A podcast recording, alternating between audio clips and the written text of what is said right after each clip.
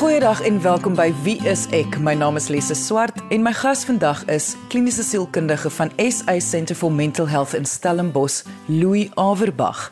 En ons gaan vandag gesels oor die rol wat 'n ma in 'n persoon se lewe speel en die rol wat 'n pa in 'n persoon se lewe speel. Nou wanneer mense dit sê, verwys ons nou nie na die geslag nie. Ons praat van 'n ma figuur en 'n pa figuur. So dit kan 'n pa figuur kan deur ek neem aan Louis, soos jy so sit, 'n pa figuur kan deur 'n vrou vervul word en 'n ma figuur kan deur 'n man vervul word. Ja, dit kan. En ons kyk na daardie ideale prentjie wat al vir baie jare bestaan in die of in die konsep van die mens net dat die ideale kerngesin is die pa en die ma en die kind of 2 of 3. Die ideale beeld is altyd dat dit dan 'n baie gelukkige egpaar is. Daar's nie eintlik konflik nie. Daar's konstruktiwiteit, daar is liefde en omgee, veiligheid ensovoorts ensovoorts. En dit is so half vir baie jare die konsep gewees van die ideale gesin. Maar ons weet mos nou almal die lewe is nie ideaal nie en die lewe is ook baie meer kompleks as dit en geslagsrolle is ook baie meer kompleks as dit. Maar as ons dan vandag praat van pa figuur of ma figuur dan praat ons ook nie eers noodwendig van die biologiese mense nie. As jou van Kutse is en en jou ouers is meneer en mevrou Kutse, dan praat ons nie eintlik van die regte mense nie die meneer Kutse wat jy met die hand kan groet wat ook 'n kind was en ook foute het en ook 'n normale mens is nie. Ons praat so half van die konsep in jou kop veral in die jeugtige jy, die klein jy se kop van hoe lyk jou pa figuur of jou ma figuur of hoe lyk jou sterk figuur of jou figuur wat vir jou warmte en sekuriteit bied in ander taal, maar ons sal nou daarby kom. Wanneer mense in films en reekse kyk en sielkundiges is ter sprake, vra hulle tog altyd die vraag: "Hoe was jou verhouding met jou ma?" of "Hoe was jou verhouding met jou pa?" En dit voel altyd asof dit 'n belaglike vraag is, asof dit maar net 'n stigma of 'n wanpersepsie is. Maar tog, daar sit tog iets daarin. Dit is wat jy nou sê. Ja, dit is also 'n bietjie van 'n klise en so 'n bietjie 'n grappie as daar gedink word of gepraat word oor sielkundiges amper in 'n tradisionele manier. Maar nie net sit daar iets daarin nie, alles sit daarin. En ons almal weet as jy nie ouers gehad het nie of jy het ouers gehad wat jou mishandel het, is jy mos baie slegter af later in die lewe sielkundig as wat jy nie was nie. Maar ek sê nie jy is noodwendig slegter af in suksesterme ge gemeet of finansiële terme of selfs in sosiale terme nie. Ons praat van binnekant. Ons almal weet dit tog. Daar is baie besliste rolle wat ouers speel mens moet onthou dat jou ouers is basies jou hele wêreld omtrent tussen die ouderdom van 0 en 6. Daar is nie regtig 'n buitewêreld in jou persepsie nie. Dit gebeur baie stadiger. Hulle is alles. Dit is jou primêre versorger en die primêre verskaffer van voedsel is jou ma. As jy baie klein is en jy pas gebore is. En jou pa is hierdie ander figuur wat in verhouding is met jou ma. Dis 'n vreemde figuur, né? Nee? En baie teorieë, ons kyk na wat ons noem bindingsteorieë. Alles gaan oor binding. Kom voor ons daarna kyk. Jare terug al, hier in die 70's, is daar al navorsing gedoen met 'n uh, eh, rhesusapies oor binding. Jong rhesusapies wat van die moeder af weggehou word en mis byvoorbeeld afgesonder word, doen baie beter as hulle net 'n warm objek soos 'n teddybeer of 'n handdoek of iets by hulle het. As net in 'n kaal hok. Nou, hoe werk dit dan nou? Dit gaan oor binding. Dit gaan oor die ingebore genetiese programmering wat ons het van as ons gebore te word, wil ons bind met ander sosiale wesens en wie is die mense wat ons eerste by ons het? Dis jou ma en jou pa of jou ma figuur en jou pa figuur. Daar het ma en pa figuur kan selfs in enkel ouers voorkom. As jy nou so praat van die bindingsproses, wat het 'n persoon of uh, as jy nou gebore word, wat het mens nog nodig van 'n ma en 'n pa figuur? Wel, kom ons kyk na die bindingsproses. Uiteraard het jy nodig om versorg te word op 'n fisiese manier. 'n Jong kind kan dit nie doen nie. En dis natuurlik waar die primêre ding inkom. Maar amper net so belangrik en nou praat ons van van toekomstige ontwikkeling. Is daardie binding, dit wat jy nodig het. En binding gaan oor twee goed. Die eerste een is sekuriteit. En dit is iets wat primêr nogal by die maag gekry word. Nie noodwendig alleenlik nie, maar veral aan die begin, né? Dis jou sekuriteit, dis jou warmte, is waar jou voedsel vandaan kom, dis waarna waar jy huil as dit van jou al weggeneem word. Want jy voel al daai binding. Die ander tipe binding wat ons soek is wat jy noem 'n ondersoekende tipe binding, 'n veiligheid om te kan eksploreer jou omgewing, want onthou ons is sosiale wesens. Ons moet eksploreer. En die enigste ander wese wat daar is, behalwe jou ma met wie jy sekuriteitsbinding het, is dan die pa of die ander figuur. En dis waar ons die veiligheid sê. Ons sê altyd 'n pa figuur laat jou veilig voel die rede hoekom kinders as hulle so 5 jaar, 4 jaar, 5 jaar of 6 jaar oud is, veral seuns, dan moet jy nie met hulle stry oor hulle pa wat die sterkste of nie die sterkste is in die wêreld nie. 'n Seun moet glo sy pa is die sterkste in die hele wêreld. Hier op 5. Want dit gee 'n tipe veiligheid. Dit is waar jou sosiale eksperimentering vandaan kom. Dat jou pa is anders as jou ma. Jou jou ma wat jou primêre bron is. Pa is anders, speel anders, praat anders. En dis daar waar mens dan begin sosiaal eksperimenteer met iemand anders as jou ma. En hoe veilig is dit? Hoe veilig is dit nie? En daar's baie baie studies wat hieroor gedoen is wat wys dat uh, uh kinders, meisies en seuns wat met hulle paas kan bind kan baie meer sosiaal eksperimenteer, voel baie minder angstig in sosiale omstandighede later in hulle lewe oor die algemeen. So daardie twee bindings is uiters noodsaaklik, die sekuriteit en dan die veiligheid om te kan kyk na die wêreld daar buitekant.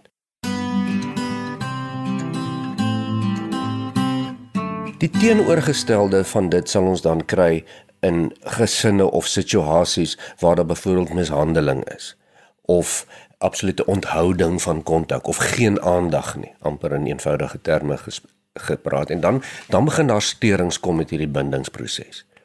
Jy weet en daar's verskillende maniere hoe dit kan uitspeel later in jou lewe. Dit speel noodwendig eintlik altyd op een van twee maniere of 'n kombinasie daarvan uit. Die een sal wees wat mens noem die angsvermydende tipe binding. Daardie trauma van nie te gebind het as kind nie. Maak dan dat mens bindings vermy. Jy raak dan angstig, jy raak bekommerd daaroor. Jy bly dan weg. Jy weet jy jy gaan nie as die kinderoppasser met jou dan oppas eintlik met haar 'n band probeer vorm nie. Later in die lewe gaan dit baie moeiliker wees vir jou om in jou volwasse en liefdesverhoudings dan te bind en emosioneel te bind en dan kry mens daardie vermydings afstand skep wat jy self doen. So waar ons dan kan gaan om die angs te probeer vermy later as gevolg van die kan ons ook gaan om dit teen te staan. En dit is dan wat ons in amper sal noem wat dan uitspeel in skeiingsangs dat die kind kan nie uh, ontspan of rustig wees totdat die primêre bron in die geval die ma nou terug is. Nie, jy weet ma gaan net weg vir 'n halwe dag en dit is dit is absolute angs totdat ma terugkom.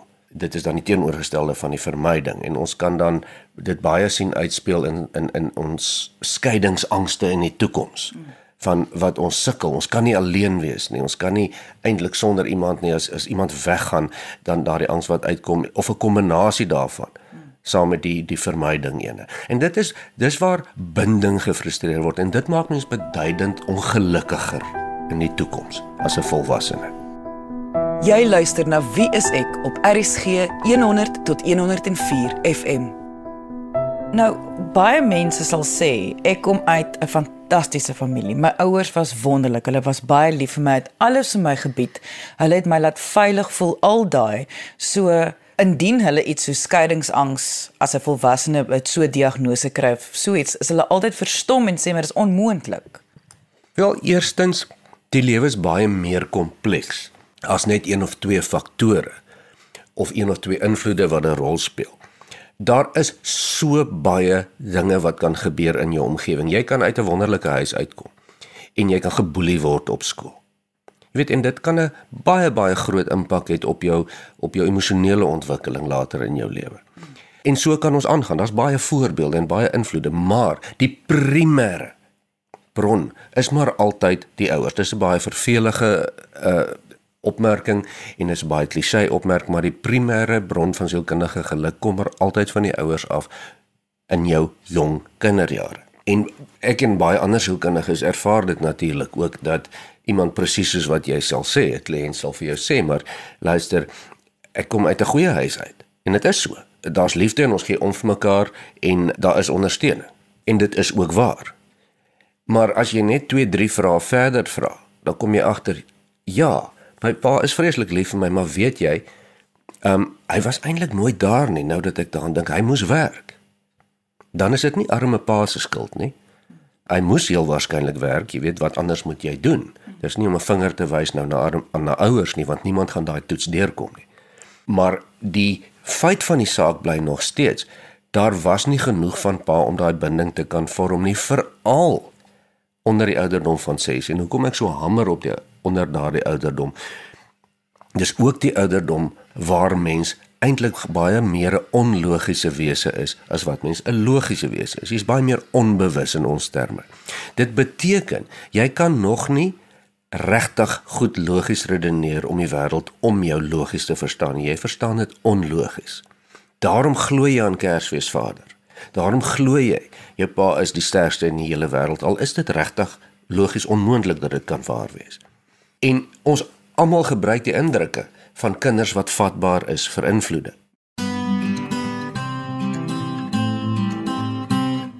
Die mees belangrikste invloede op daai ouderdom is hierdie hele aspek van binding om koneksie te kan vorm.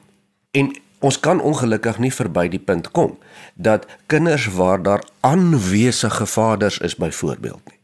Al die navorsing wys dit het beduidend 'n beter kans in die toekoms om om sekondêre skool deur te kom, om tersiêre onderrig deur te kom, om nie in misdaad te verval nie, om nie dwelms te begin misbruik nie. Al die studie wys dit vir ons baie sterk. En ons samelewing is nie eintlik meer gerad vir om om kinders met binding te kan verskaf nie. Daar's te veel eise, daar's te veel finansiële eise. Beide ouers moet werk. As daar gewerk word, is dit lang ure. En wat dan gebeur is dink ek in die in deel van die moderne samelewing en die eise daarmee is dat ons binding gevaarlik min tyd nou kry. Ons praat vandag oor die ma en pa figuur en watter effek dit op 'n persoon se psiege as volwassene het. Indien jy nou eens ingeskakel het, jy kan die pot gooi gaan aflaai van vandag se episode op RSG se webwerf by rsg.co.za. Louis, ek wil nou graag net een ding gou hier net duidelikheid oor kry. Jy het voor die advertensiebreek spesifiek verwys na indien die pa figuur aanwesig is, wys die navorsing vir ons die volwasse persoon het 'n baie groter kans om sukses van die lewe te maak. Alhoewel ek dit aan die begin gevra het, wil ek net weer die duidelikheid kry rondom die pa figuur. Ons praat nie spesifiek hier van 'n pa nie, 'n man nie. Ja, ons onthou ons praat nie noodwendig van geslag hier nie. Hoekom ek maar heeltyd daarna verwys, dit is omtrent die grootste deel hoe gesinne saamgestel is op hierdie oomblik in ons samelewing. Maar ons kyk na kom ons noem dit in eenvoudige taal, amper die die sterk besliste deel wat almal in almal van ons is en die sagte akkommoderende warm deel wat ook in almal van ons is. In die wêreld se geskiedenis was die een maar altyd in mans gevestig en die ander een altyd in vroue en deur die jare het geslagsrol baie meer kompleks geraak en is dit nie noodwendig net in fisiese geslag vasgevang nie. So ons kan praat van 'n uh, gesinne uh, beide geslaglike gesinne. Ons praat eintlik van daai albei daai aspekte net wat vir ons belangrik is vir die binding. Selfs in enkel gesinne want die lewe is mos nou nie ideaal nie, maar 'n pa kan baie maklik al twee daardie bindingsbehoeftes voorsien vir 'n kind. 'n Ma kan dit ook doen. Dis baie moeiliker. Maar dit word gedoen en dit kan gedoen word. Jy verwys na binding en binding is duidelik 'n baie belangrike faktor. Hoe lyk 'n volwassene wat nie daardie binding ervaar het nie? Eerstens baie meer angs. Baie meer bekommerd, gestres saamgespan vergelyk dit met wat ons almal ken as 'n gelukkige ouerhuis met gelukkige kinders. Hulle is stresvry, die kinders, of baie minder angstig. En onthou dit is die siekte van ons tyd en dit gaan saam met die gebrek aan bindingstyd, is ek heeltemal oortuig van. En so as ons kyk na die angstige persoon wat meer geneig is om siektes te ontwikkel, wat meer geneig is om depressie te ontwikkel, wat meer geneig is om te sukkel met selfbeeld en selfvertroue. Dit is dan die en nie die enigste uitkoms nê net van binding nie, maar dit is 'n baie sterk uitkoms van gebrek aan binding. Dat ons sukkel om met selfvertroue en rustigheid dan in die toekoms as volwassenes te kan uh, deur die lewe gaan.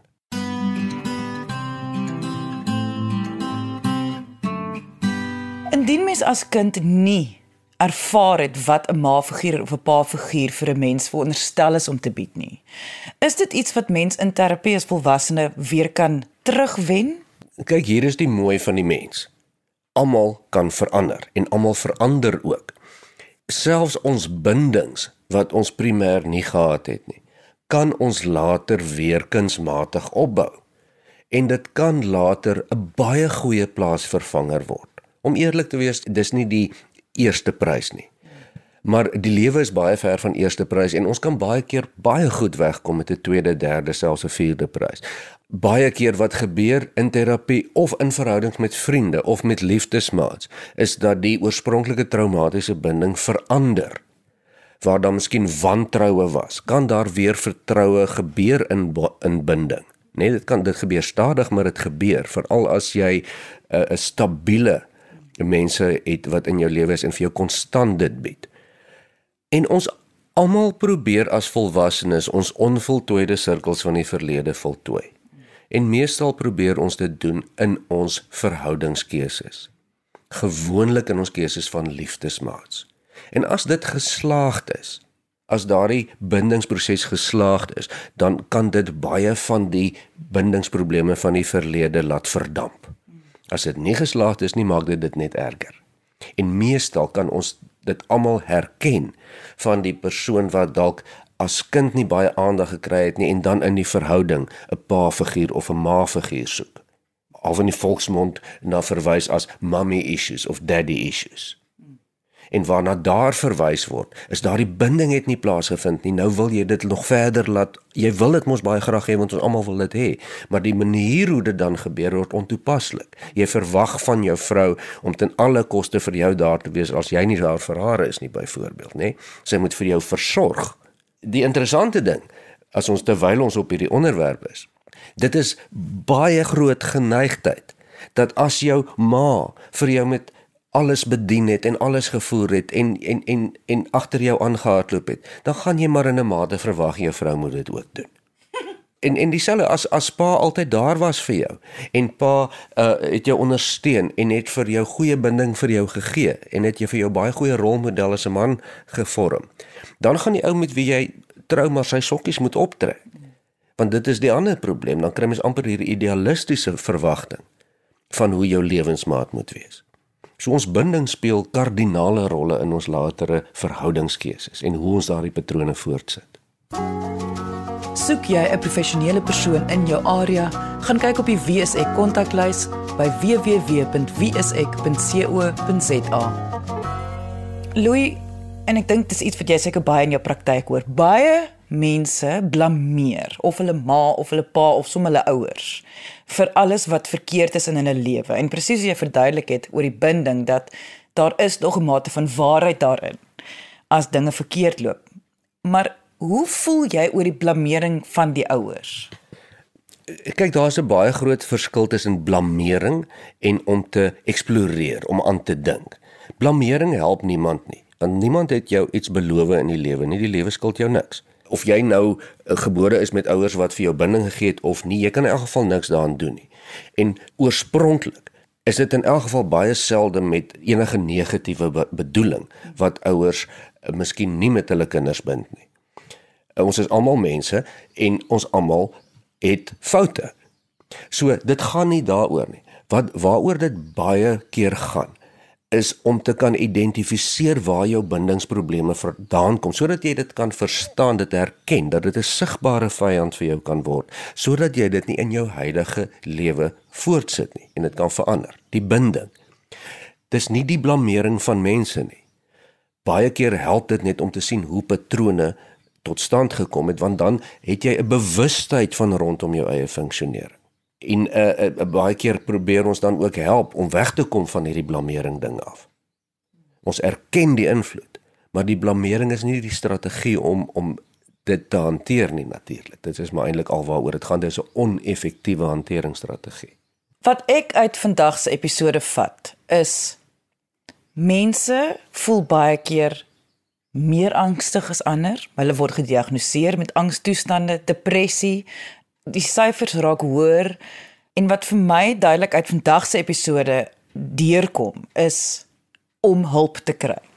Want die verstaan van hoeveel binding jy in jou lewe gekry het, wat jy probeer doen om binding te kry, mag dalk 'n bydraende faktor wees tot die feit dat jy nie funksioneer nie. Ja, absoluut.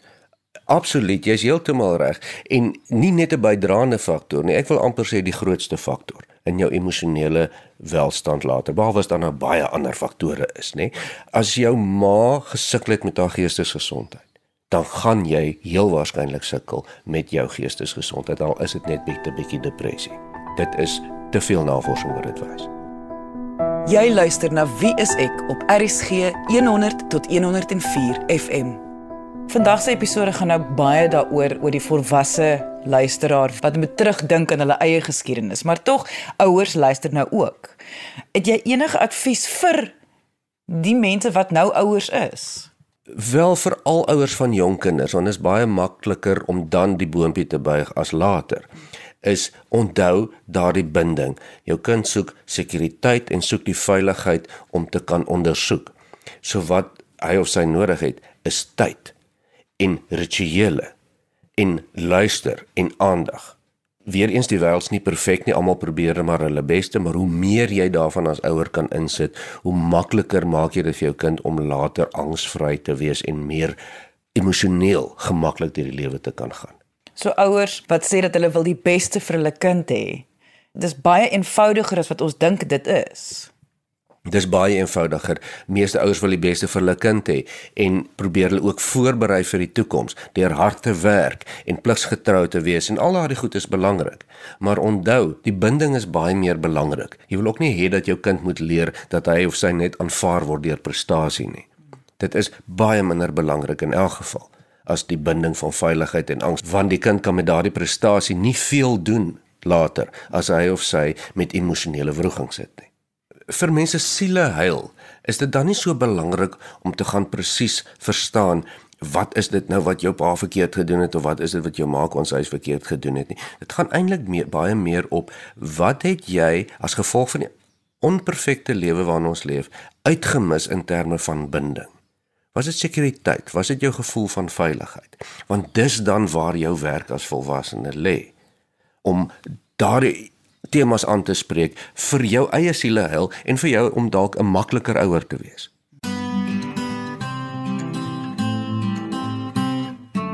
Baie meer van ons geluk as volwassenes hang eintlik af van daardie binding in die vroeë kinderjare. Baie meer as wat ons besef. En ons doen baie moeite om gelukkiger volwassenes te wees. So ek dink dit sal baie van ons baat om bietjie na daardie aspekte te kyk by onsself. Met ander woorde, wat by my? Hoe lyk die binding by my? Nie wat in die verlede gebeur nie, hoe lyk die binding by my? Hoe sukkel ek of hoe hoe kom ek klaar met my gebrek aan veiligheid of my angstigheid in my huidige verhoudings? Want daaraan kan mens iets doen. So dit gaan eintlik oor die effek van die ma en pa figuur. Dit gaan oor die effek. Dit gaan oor en en eintlik gaan dit oor die effek van hoe die lewe saamgestel is nie die arme twee mense wat heel waarskynlik maar net hulle beste probeer het nie. Dit was kliniese sielkundige van SA Centre for Mental Health in Stellenbosch, Louis Averbag. Indien jy enige vrae oor vandag se onderwerp het, kan jy ons kontak deur die webwerf by www.wieisek.co.za of jy kan kom saamgesels op ons Facebookblad onder Wie is ek SA. Weekstaat 10uur is daar ook live gesprekke met medies professionele mense op hierdie einste Facebookblad. Dankie dat jy vandag ingeskakel het. Ons maak weer so volgende Vrydag 12:30 net hier op RSG. Jy moet 'n heerlike naweek hê en onthou, kyk mooi na jouself.